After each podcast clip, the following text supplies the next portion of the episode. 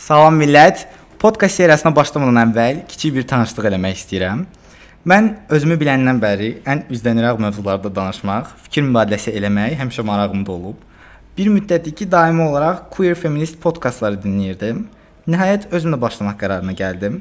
İlk cəhdim deyə azca həyəcanlı və təcrübəsiz ola bilərəm, lakin irəliləyən dəqiqələrdə bir-birimizə tam öyrəşəcəyimizə əminəm. Onda seks, seksuallıq, seksual həzz və sağlamlıq, aktivizm, gündəmimizə oturan və ya oturmalı olan, havadan sudan qeybət, yaxud da kefimizə düşən temalarda mövzuların özneləri ilə danışacağımız Qıyvar Queer Feminist podkast seriyasına xoş gəlibsiniz.